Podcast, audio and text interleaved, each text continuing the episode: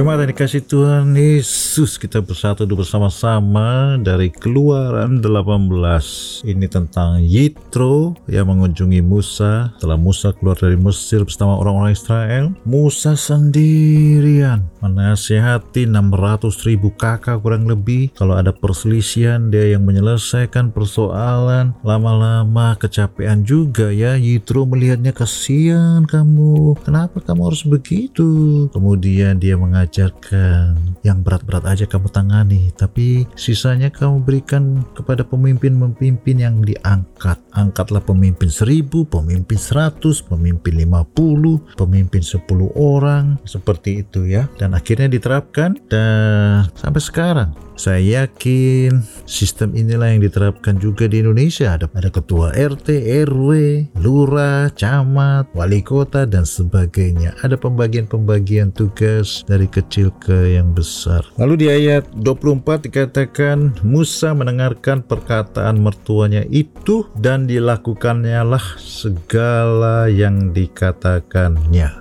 Padahal Musa ini sudah berbicara dengan Tuhan ya berkali-kali di gunung Horeb 10 hukum Taurat pun diberikan langsung oleh Tuhan kepada Musa. Tapi ternyata dia masih rendah hati untuk mendengarkan nasihat dari mertuanya. Yang notabene bukan orang Israel yang tidak menyembah Tuhan Israel. Tapi ternyata Tuhan itu bisa berbicara melalui orang lain mungkin orang tua, tetangga, orang yang kita bertemu di kantor, di pekerjaan. Dan sayang sekali kalau kita menutup telinga kita dan kita menganggap diri kita sudah tahu segala sesuatu. Musa yang sudah berbicara dengan Tuhan, dia cukup rendah hati untuk mendengar. Karena mungkin, dan saya yakin setiap orang juga punya yang disebut blind spot. Ada yang dia tidak bisa lihat, tapi orang lain, orang yang di luar sana bisa melihat sesuatu yang kita tidak bisa lihat itu. Dan kalau kita mau mendengarkan mereka, kita tidak